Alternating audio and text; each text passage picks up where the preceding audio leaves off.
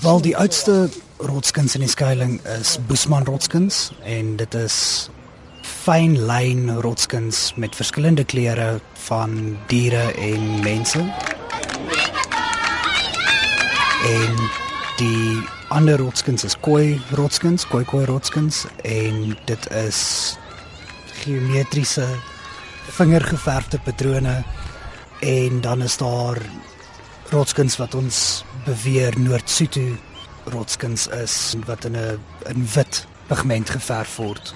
Ah, alhoewel dit in ander kleure op ander plekke geverf word, is dit meestal in wit geverf. So verduidelik Christian Lou. Hy is verbonde aan die departement rotskuns aan die Universiteit van die Witwatersrand. Hy het navorsing gedoen by die Telperion skuilings. Dit is 'n sandsteen rotsskuiling op die Wilgerivier aan die ooste kant van die Wilgerivier waar die Wilgerivier en die Insalboom spruit bymekaar kom. Maar buiten vir die rotskuns van onderskeidelik die drie groepe, is daar ook rotskuns of dan graffiti wat uit die tydperk van die Tweede Anglo-Boereoorlog dateer.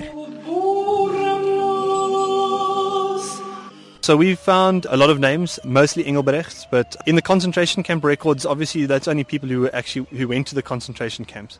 So we found a leader, Margita Hendrika Alita Engelbrecht, and then her husband's initials in the shelter, one of her children's initials. Um, we also found another Engelbrecht who was captured in the area, and her initials are in the shelter as well. There's also a JD van Skalkwyk, but we couldn't find out who JD van Skalkwyk was. Maybe we will at some point.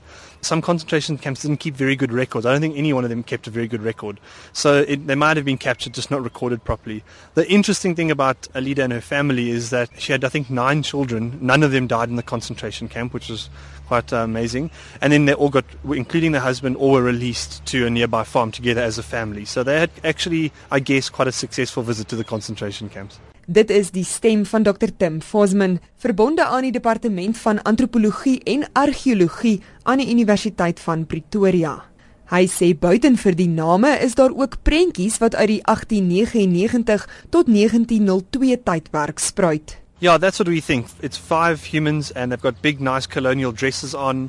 They have got scarves on or headdresses on their head. Some of them do. Um, so it does look like there's colonial women, and that's very common in, in Southern African art. When they're painting colonial women, to paint them with these dresses, and when they paint colonial men, often it's with the hands on the hips. However, it could also be obviously you know that type of clothing everyone wore that so it could be black people black communities who are wearing that as well we just think that it was the Afrikaans people living in the shelter, whereas this other cluster of humans were the black people living in the shelter, purely because they've been painted so differently. And this other human cluster looks so much like the Sututswana art in the shelter that we think there's an intentional difference to say these were these people and those were those people.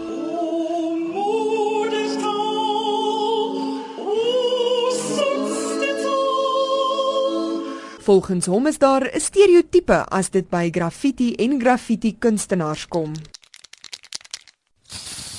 Yeah, you know, a lot of the time graffiti is used to paint over uh, earlier artwork, destroy things, vandalize property, and things such as that. It also has sometimes connotations linking to gangs and sort of illicit activities.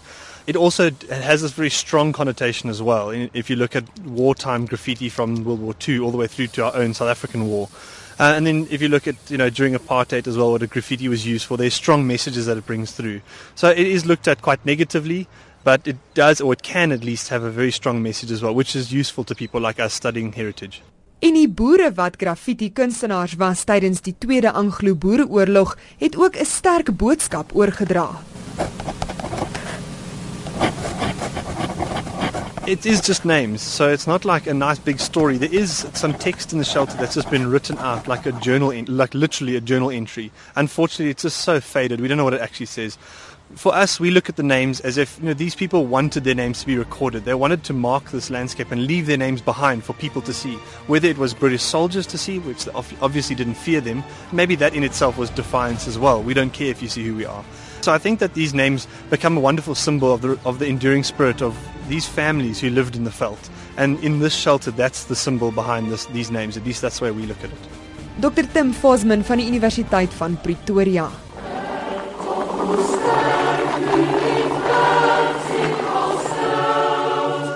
Wat Alperion so interessant maak, is dat die spasie deur verskillende generasies met verskillende agtergronde gebruik is om hulle leefstyle uit te beeld.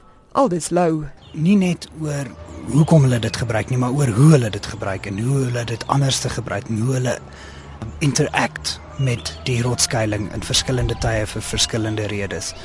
En hoe ons idee van 'n plek wat baie staties is eintlik oor tyd baie los is en fluid is en hoe dit vloei deur tyd en ons kyk na die die die verhouding tussen tyd en plek oor honderde jare. Christian Lou van Wits. Ek is Henry Wondergem vir SABC nuus.